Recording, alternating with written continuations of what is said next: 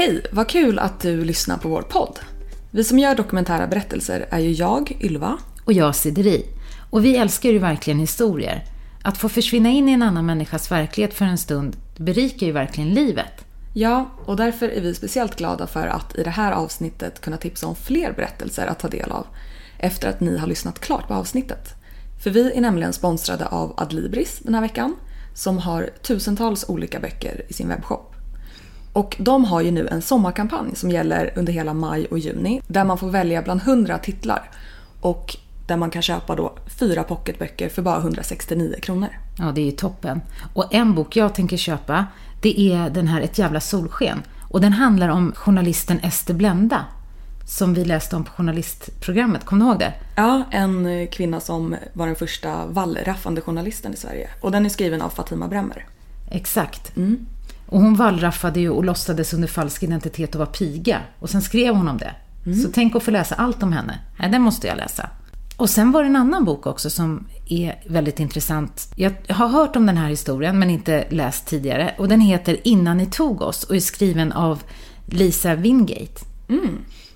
Och det handlar då om ett, några barn i USA under 1920 till 1950-talet som blev kidnappade för att säljas till rika familjer. Mm. Gud vad intressant. Och jag, jag vet inte om du är som jag, men jag brukar så inför sommaren bunkra upp med ett gäng böcker som man har under semestern. Och då är jag lite fast i deckare, mm. tycker jag är kul att läsa. Eh, så att jag tänkte att jag ska köpa Tre timmar av Anders Roslund och sen Syndabocken också av Sofie Sarenbrant som jag har hört jättemycket bra om. Ja men det verkar ju toppen. Så gå in på adlibris.com och välj era egna favoriter.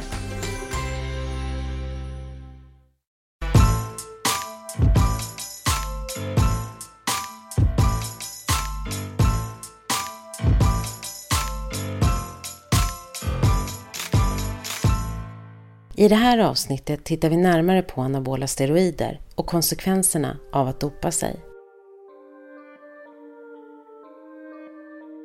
Jag levde i en värld där jag kanske stod i dörren som dörrvakt för polisen. På fritiden levde jag med yrkeskriminella för att ha råd att få in pengar till mitt bruk.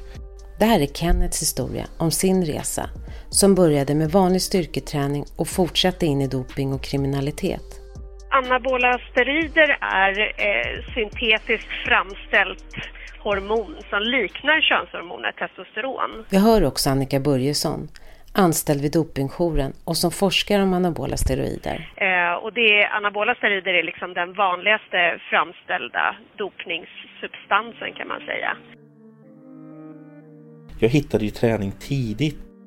Kennets väg in i styrketräningen börjar med att han fastnar för kampsport när han går i sjätte klass. Jag vet att jag försökte med så här fotboll och hockey och sånt. Men jag hade ju jättesvårt för gemensamhetsaktiviteter som jag brukar säga. Där man ju, alltså lagidrotter långt ner i åldrarna så hade jag jättesvårt för auktoriteter, jag hade svårt för regler.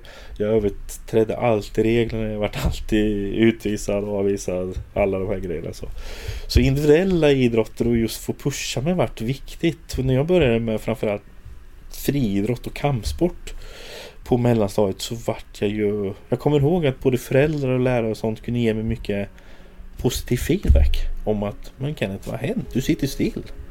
Alltså du sitter still i skolbänken, du verkar kunna konstatera det så.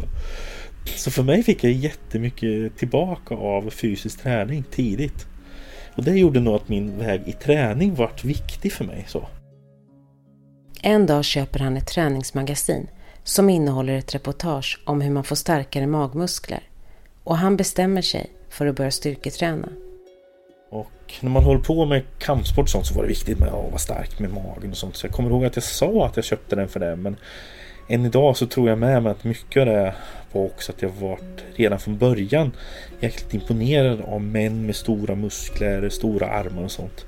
För det här med pondus, storlek och sånt fanns med mig långt ner i åldern. Jag har varit uppfostrad rätt tidigt upplevde jag med någon slags förhållningssätt. Att man, män ska kunna ta för sig, män ska kunna stå upp för sin familj. En man ska vara stor, stark så här och nästan kunna slåss. Eller den bilden. Och den hade jag med mig där. Men jag kommer ihåg också att när jag öppnade den här tidningen för första gången så var den här tidningen jätteviktig för mig.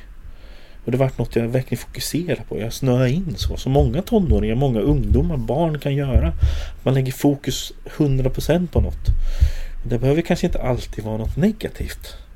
Men samtidigt upplever jag inte att jag hade vuxna runt omkring mig som fanns där och kunde stötta mig om det var rätt och fel och så. Mm. För för mig så vart ju träning redan från sjuan, sjuan någonstans. Styrketräning är jätteviktigt. Och jag upplever att jag mådde lika bra av det som jag gjorde av thaiboxningen som jag höll på med innan. Problemet kanske med kampsport och sånt det var ju ofta att det var träningstider, det var tider man var tvungen att anpassa sig. Gymmet var ju öppet när man ville. Så det var jätteskönt ju. Det kunde man anpassa lite själv och det kunde passa in mer så.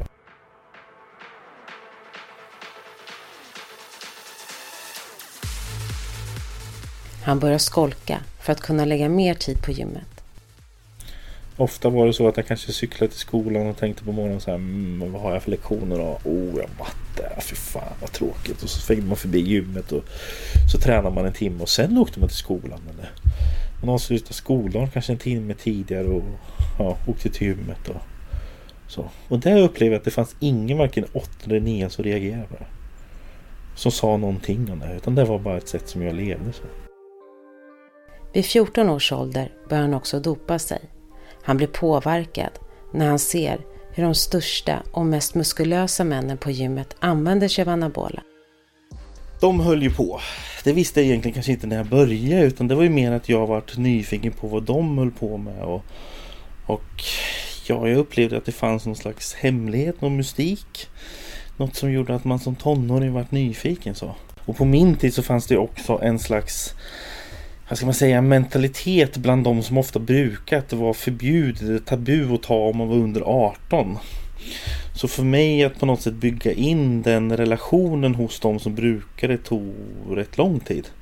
Och det byggde mycket på att jag var tvungen att kanske visa mer framsteg än vad andra i min ålder. Så för mig så var ju träning allt när jag började.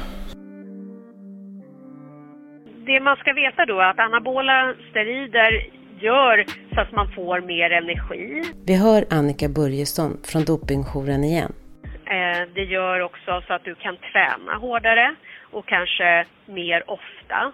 Eh, det stimulerar ju då muskeltillväxt och det är möjligt liksom att man kan ha en sån här extrem eh, viktuppgång på väldigt kort period. Och ofta så använder man både tabletter och injektioner Eh, vilket gör att man kanske kan ha svårt att, att upptäcka det. Man, man tar det ofta i perioder och så är det följt av en period när man inte tar preparat. Och eh, ofta så använder man det tillsammans med en mängd andra preparat för att, eh, ja, för att man ska bygga muskler lättare eller för att man ska fettförbränna eller eh, smärtlindra för att man kanske har tränat för hårt eller ja, andra preparat som kan som kan lindra eh, biverkningar.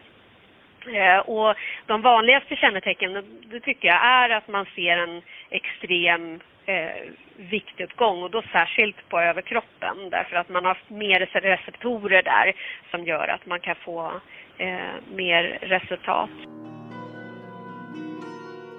Han börjar knyta kontakter med de som säljer preparaten och spara pengar för att ha råd. Jag brukar ibland jämföra kostnader med kosttillskott, andra droger och sånt. Och många av de här sakerna ligger ju rätt likställt. Mycket av de här preparaten köper man kanske för en längre period. Så, så visst när man inhandlar dem så kanske det är en liten kostnad men det kanske varar i alla fall 8 veckor, 12 veckor. Kenneth tränar allt mer och samtidigt som musklerna växer ökar också en besatthet av att få i sig mat. Det jag märkte någonstans i gymnasietiden det var ju ofta att min familj började reagera på mitt sätt att vara. Att jag drog mig undan. Jag var jäkligt strikt med rutiner. Alltså om jag missade en måltid. Om maten var fet, om den var fel. Då kunde jag få alltså, utbrott. Jag kunde bli vansinnig. Jag kunde bli tokig på sådana saker. Och det följde ju med mig under många år så. Jag upplevde att det de gjorde till exempel när de åt fet mat var hur sorgligt som helst. Jag tyckte att människor som kunde satt åt tårta och sånt, att de var knäppa i huvudet. jag valde vid ett tillfälle att åka till min syster på hennes födelsedag. För då hade jag tag, alltså, tagit avstånd till födelsedagen under kanske ett, två års tid. Så, så valde jag att åka på en födelsedag. Så, för jag tänkte att ja, jag ska göra det bara för familjens skull. Inte för min skull. Utan för familjens skull. Då valde jag att ta med mig en glassbytta med ris och tonfisk. Som jag då öppnade och började äta när de andra åt tårtan. Så. Då kom jag ihåg att min far frontade mig. Och när jag menar fronta då var det mer att man klev fram och man nästan så här. Vad fan gör du unge? Så här, Hur kan du göra det här just idag? Just mot henne? Så. Och då var ju mitt svar tillbaka så här, men hur fan kan ni göra det? Hur fan kan ni sitta och äta tårta? Ni kommer få högt kolesterol, ni kommer förstöra er kropp, ni kommer vara feta. Hur fan kan ni ens gå utanför dörren? Det var så jag såg på verkligheten på den tiden. Mm. Jag tror någonstans att alla människor som gjorde sådana saker, att de var losers, de vågade inte satsa fullt ut, de ja, tog inte hand om sig själva. Han börjar förstå att hans förhållningssätt till träning och kost är på en ohälsosam nivå. Han träffar en psykolog som ställer diagnosen megarexi. En omvänd anorexia för de som har anorexia och nästan förstå så. Alltså jag levde under flera år med ett, ett sätt som var alltså snarligt en person som har anorexia. Så. En anorektiker kanske slutade äta. Jag åt ju kanske 14 gånger om dagen. Jag ställde väckarklockan på nätterna för att upp och äta för jag kände att det var för liten så jag stoppade i mig insulin. Jag hamnade på akuten på grund av insulinet för att jag tog för mycket insulin och fick inte tillräckligt med mat och för att jag någonstans kände att jag var för liten. Så. När jag vägde som mest så vägde jag 127 kilo. Upplevde mig själv som liten. Jag ville ta på mig tre, fyra tröjor för att någonstans se större ut runt axlarna.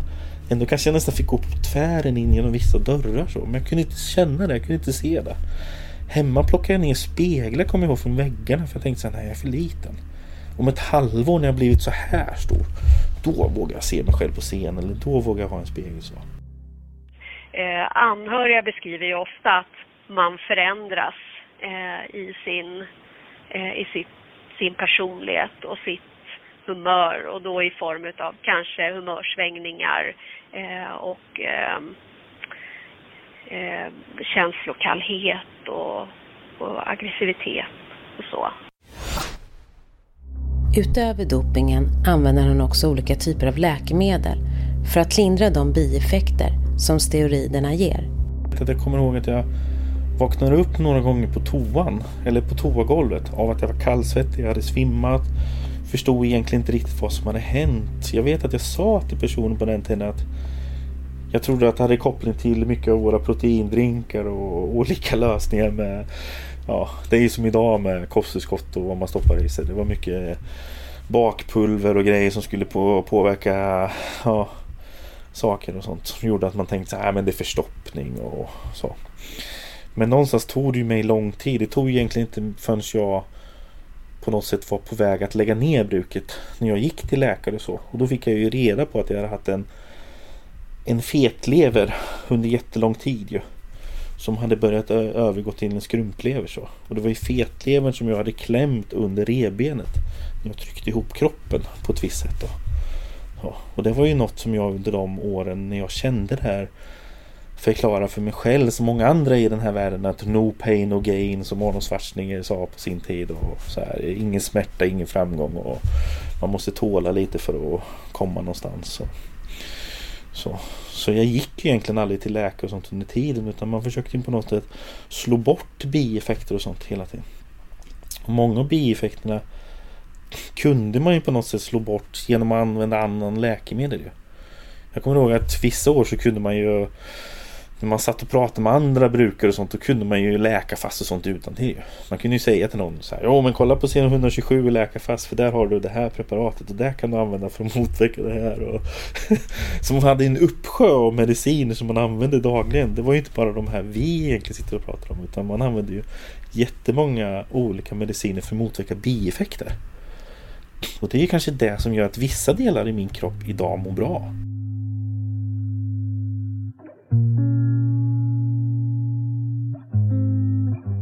Han fortsätter ändå att träna och målen han sätter upp för sin kropp och styrketräning flyttas successivt längre och längre fram. Han blir aldrig nöjd utan fortsätter med dopingen. För att ha råd med de höga doserna börjar han också sälja anabola själv. Det kostar mig kanske 8-9 tusen i månaden bara de här preparaten. så. Och det gjorde att man på något sätt levde... Jag levde i en värld där jag kanske stod i dörren som dörrvakt, träffade polisen. På fritiden levde jag med yrkeskriminella för att ha råd att få in pengar till mitt bruk. Så på något sätt levde jag ett dubbelliv som hela tiden kom närmare. Och det var någonstans de här alla lögner gentemot framförallt föräldrar, gentemot polis, gentemot arbetskollegor och sånt kom ju bara närmare och närmare och närmare så. Det finns idag inga exakta siffror på hur många i Sverige som brukar anabola steroider. Men en uppskattning från Folkhälsomyndigheten från 2015 säger att det är ungefär 33 000 personer. Annika Börjesson förklarar. Det är så svårt att eh, veta hur många de är. Eh, och det finns väl säkert en mängd olika orsaker till det men en orsak är ju att att det är kriminellt och det finns en dopningslag som säger att man inte får inta de här preparaten i Sverige.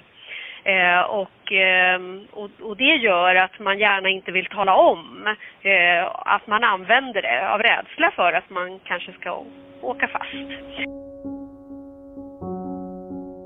Han smugglar in drogerna på anstalten han jobbar på. Jag jobbade på en anstalt som fångvårdare jag var tvungen att säga upp mig därifrån. Och det jag sa till folk runt omkring det året det var egentligen att jag sa upp mig för att kunna ägna mig hundraprocentigt åt min sport. Som på den tiden var kroppsbyggning.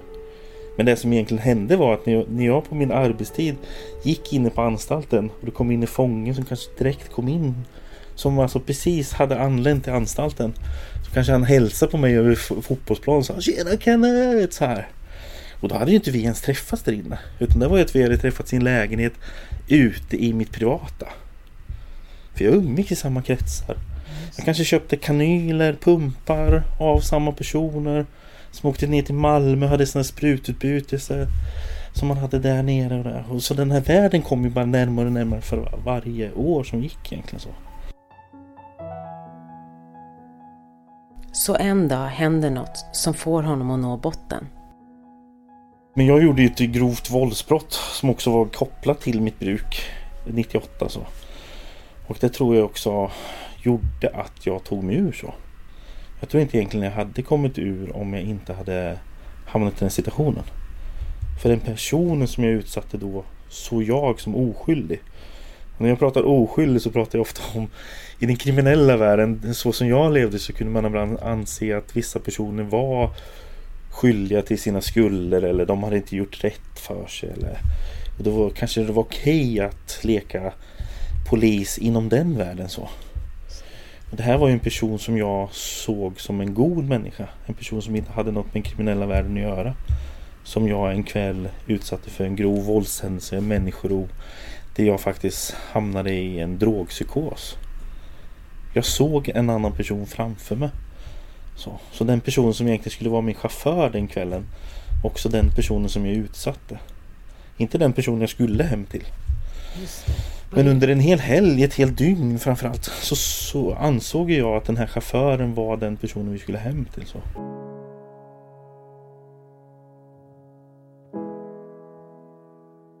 För mig var det nog viktigt att nå den här botten, att jag kände att jag begick ett, ett grovt våldsbrott mot en människa som jag tyckte inte förtjänade det. Att jag, var, att jag varit skadad och inte kunde träna gjorde någonstans att jag kände att Men vad fan, vart tog den vägen? Vart tog den vägen? Alla människor jag hade runt omkring mig under mitt bruk hade jag egentligen runt omkring mig för ett syfte. De flesta som tar de här preparaten, egentligen alla brukar säga, blir framförallt med tiden jävligt e- egotrippare. Det finns inga andra människor som betyder något för dem än sig själva med tiden så. Så människor som jag hade i livet hade jag för olika alltså, ändamål så. Och det är klart att de människorna jag hade runt omkring mig var ju likadana. Så när Kenneth var skadad och inte kunde tävla på SM, vad fan ska man umgås med honom för? Kenneth umgås man med för att träna eller kura eller prata steroider med. Så de försvann ju alla. Och då kände jag någonstans att hela den här världen var falsk och så. Han häktas och sitter en månad med fullständiga restriktioner. Och det innebär att jag var helt isolerad. Jag fick inte ha någon kontakt med utvärlden, inte med någon annan fånge, inga anhöriga någonting. Och det gjorde att jag kunde jobba med mig själv. Jag kunde mentalt förbereda mig på att nej, jag ska lägga ner. Så, så självklart när jag kom till anstalt så var det ju för mig ett jobb med mig själv. Att säga nej. Det är klart att det förekom. Men det, när jag menar förekom så var det ju mest narkotika, mest att må bra eller mest att dämpa eller sänka sig för att kunna flytta med resten och strömmen. Och ta det här, eh, ja, som idag kanske då är ett eh, internetpiller för att det syns inte på urinprovet men du kommer gå snurrig i 3-4 dagar och då tappar du 3-4 dagar av din placering. Och det var ju sånt jag kände någonstans när jag satt häktad att nej, jag ska sätta ner foten, jag ska säga till alla att jag har lagt ner. Eh, ja, så. När Kenneth döms placeras han på Roxtunaanstalten och genomgår ett droganvändningsprogram och det visar sig bli hans vändning. Roxtunaanstalten för mig var jättebra, jätteviktig för mig. Och med det menar jag på att det var NAS-program, det var 12 steg, det var självhjälpsgrupper, självklart riktat mot narkotika. Men på den tiden så var också Rockstunan anstalt, som jag brukar säga, där fångarna upprätthöll ordningen. Och med det menar jag på att ja, det kanske inte alltid gick rätt till men om narkotika kom in så du var inte så populär. För de, de som var där ville inte ha narkotikan där. Och det var bra. Det var jätteviktigt för mig. Va? Mm. Jag tror det var A och O att träffa gamla livstidare som på något sätt inte ville ha narkotikan där och själva kunde säga ifrån. Och...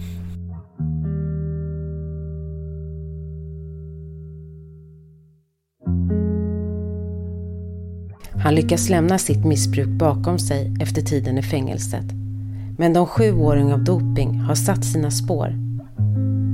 Till exempel var hans lever i så dåligt skick att han fick genomgå en transplantation. Och hans tacksamhet till organdonatorn och dens anhöriga har gett honom en större motivation att inte falla tillbaka till missbruket. 2005-2016 så hade jag vad jag brukar säga i stort sett ett återfall. Jag satt hemma, jag hade ett kuvert på bordet, jag hade alla preparat hemma. Jag var på väg att ta alla preparat. Jag mådde skit. Allt hade egentligen rasat tyckte jag i mitt liv. Eh, jag kände att jag ville börja kura igen. Jag valde den gången att gå och kasta allt. Så. Och då var mycket, då kom mycket av de här filosofiska tankarna att oh, men Eh, vem är det som eh, donerar organ? Varför gör man det? Jag har aldrig ens tänkt på tankarna förut. Jag har aldrig pratat med anhöriga, mina vänner och sånt överhuvudtaget. Vem kan det vara jag har fått något? Hur gammal var den? Var det en kvinna, man? Har den anhöriga? Kan man få reda på sånt? Så. Det var ju något jag egentligen aldrig valde men visst blir det mycket filosofiska tankar. En stor anledning till varför jag inte valde att ta det var den känslan att jag har fått den här andra chansen i livet. så. Jag har fått en ny möjlighet, en fysisk ny möjlighet. Mm. Annars är jag ju samma människa. Även fast det idag har gått över 20 år sedan Kenneth slutade med anabola så måste han än idag jobba med inställningen till sin egen kropp. Min kropp idag, det är som jag alltid brukar säga att jag är ju sån som person att jag måste alltid ha med mig mitt förflutna. Sommaren är idag ibland en jobbig period att visas ute, att visas på badstranden. Beroende på hur livet går utöver, alltså jobb och sådana saker så kan man ibland må jättedåligt och då kommer tankarna åh jag måste träna, jag måste träna, jag måste ha större armar. Så. Men egentligen så vet jag ju med mig, jag måste alltid hindra de här tankarna för jag vet med mig att jag kommer inte må bättre. Det kommer inte spela någon roll om jag går till badstranden och väger fem kilo mer eller om jag väger fem kilo mindre har mindre. Jag kommer inte må bättre det, det, är ingen, det är ingen som bryr sig om det på badstranden utan det sitter ju här inne. Det sitter hos mig själv så. Men för mig har det varit viktigt under alla de åren att jobba med de här tankarna så. För de som kommer ja, veckovis kommer de ju. Så. Ja. Eh, och det är, det är inte så enkelt idag. Liksom. Hela samhället är ju uppbyggt på att det är en större press och ytan är viktig. Och det är ju ett koncept av vem man är. Eh, och vi översållas ju hela tiden med propaganda om hur vi ska se ut och vad vi ska åstadkomma. Och, eh, och många killar som, killar som ringer till oss, de liksom beskriver ju kanske att de har haft eh, Eh, haft en dålig självkänsla eller blivit mobbade eller tyckt att de var för smala. Liksom. Och när de då kommer i kontakt med det här, som de gör genom att de kanske går in på nätet och, och, och söker på att de vill köpa anabola steroider eh, så finns det en uppsjö av eh, sidor där man liksom bara kan beställa och, och få hem i brevlådan. Och då tycker de liksom att de ja, men de tycker efter de kanske har börjat med det här och tagit det här så upplever de att de kanske blir någon och de blir sedda och de får respekt liksom så. Ja, alltså jag har ju problem framförallt med le leder. Framförallt vissa muskler som jag som 98 så slet jag den här axeln. Jag har ju problem fortfarande då att vara utsatt för kyla i rygg och sånt. Att det på något sätt blir... Jag får smärta. Och det är en kontinuerlig smärta. Det är ju inte bara någon som alltså, kommer för stunden utan det gör ju att jag... Det är väl inte bara därför jag tränar men det är ju en del av varför jag idag känner att jag är tvungen att hålla igång så. Blodcirkulationen idag i kroppen är jätteviktig för mig. Eftersom jag tror att jag har utsatt kroppen för så tung belastning. Folk ibland blir så imponerade när de läser om hur mycket jag tog i bänkpress när jag var 18 år och så. Och det säger, men vad fan, vad fan spelar det för roll? Om du kan lyfta 215 kilo i bänk när du är 18 år, vem har nytta av det nu som jag säger? Det är ett rekord på en dag och sen kanske du kan gå runt och få folk som tycker du är jättefrän och jättecool men du kommer att ha problem. Mm. För kroppen är inte gjord för den belastningen. Idealen liksom förändras ju hela tiden för hur utseendet ska vara och man måste ju liksom eh, jobba med det här att eh, kanske med värderingar och så att, att, man, att man duger som man är ofta är det så att man blir ju inte mer nöjd för att man har börjat ta de här preparaten. Utan det flyttas hela tiden framåt så att man blir mindre och mindre nöjd. Ja, alltså först och främst som jag alltid brukar säga med alla i alla jag träffar det är ju det här. Vad, vad, vad är meningen med buket? Ska du bli Mr Olympia? Hur många blir Mr Olympia? Vad är det du vill? Var är målet uppsatt? Alltså många som jag träffar har ju... Det är inte så att det är första kuren. Så är det ofta inte med narkotika heller. Det är inte så att man kanske rör på första gången och så går man till en eh, kurator eller man går och pratar med någon och säger oh jag rör på en gång och jag vill sluta. Utan om man är i de börjar tänka på något så är det ofta att man har hållit på ett tag. Och tyvärr idag så upplever jag att jag träffar jättemånga som kurar men vad fan, de är ju knappt muskulösa. De har knappt kommit någonstans. Så vad fan är det som hindrar dem från att lägga ner? Alltså vad är det de är ute efter? Är det att de vill, alltså handlar det om sexuellt? Handlar det om magrutor? Någonstans måste man ju på något sätt fånga den här bilden hos sig själv. Varför man håller på. Många jag har träffat kör ju på något race och hade en tanke för två, tre år sedan om vart man skulle. Eller man skulle till någon Lucia-pokal eller man eh, var någon sån här Instagram-profil och man skulle vara... Ja. Och där tror jag man måste slå hål på de här bubblorna att livet måste ibland gå vidare. Man måste ibland kanske ta nya vägar i livet. Många jag träffar som sagt de fortsätter på något sätt i det här. Och det gjorde jag. Jag ska ju självfallet inte säga det. Jag höll på i sju år kontinuerligt. Så. Men jag kände ändå att jag kanske flyttar ribban och det gör ju en del med. Men man, någonstans måste man kanske förstå att vi, man växer upp, man får andra tankesätt. Den biten. Mm. Och idag som sagt så är det ju så att mycket det här vi stoppar i oss är ju inte laboratorieföranstalter. De flesta är ju underground-laboratorium. Det är framställt i något eh, som man kallar eh, underground-laboratorium. Det kanske är inom matberedare eller vad fan som helst. Man gör de här tabletterna. Och, ja. Så egentligen frågan är i framtiden vad vi kommer ha för bieffekter hos vissa brukare. Det, det finns mycket oro kring det här bruket idag som inte fanns förr. Mm. Och tron på de här olika forumsidorna på internet. Det är självklart att det, jag känner att det kanske finns mer kunskap idag. Men samtidigt är det igen att vi alla är olika. Vad händer med dig kanske inte händer med någon annan. Om du upplever att du har hamnat i ett dopingmissbruk så finns det hjälp att få. Annika Börjesson igen. Om man nu känner att man har problem eh, som man gärna vill prata med någon om så finns ju vi på Dopingjouren. Eh, och det är bara att ta kontakt med oss. Vi har öppet eh, vardagar mellan 10 och 16. Och eh, vi tittar ju lite grann utifrån vilken, vilka, vilken problematik man har. Eh, och så pratar vi runt den. Eh, och vi tycker också att det är viktigt att, att eh, personer som som funderar på att ringa till oss vet om att vi inte lägger några värderingar i det här utan eh, man ska kunna ringa till oss och kunna känna att man eh, inte blir värderad och att man eh, känner att man har någon att, att, att fråga och prata med. Kenneth jobbar idag som föreläsare där han delar med sig av sin historia till skolungdomar. Jag började ju mitt bruk som en introvert. Inte som man idag pratar om. Man tror ju att de flesta som brukar studier är extroverta. De vill visa sig utåt. Nej, jag var en jätteintrovert. Så. Jag hade ju jättemycket tröjor och gärna ville smyga undan och vara den här lille. Jag var den i familjen med. Jag var yngst, kanske den som tog minst plats och så. Och det är många sådana som börjar det här bruket. Och de är jätteviktiga att se.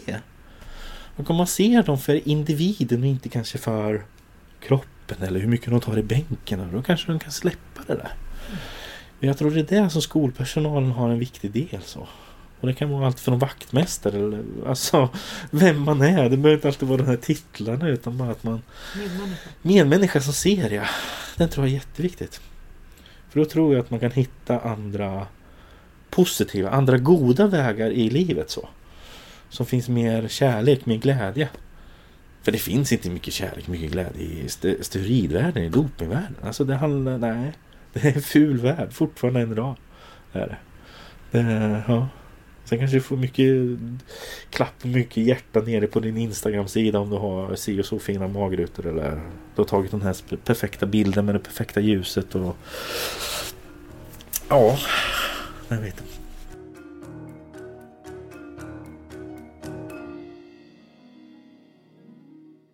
Du har precis hört avsnittet Besatt av anabola.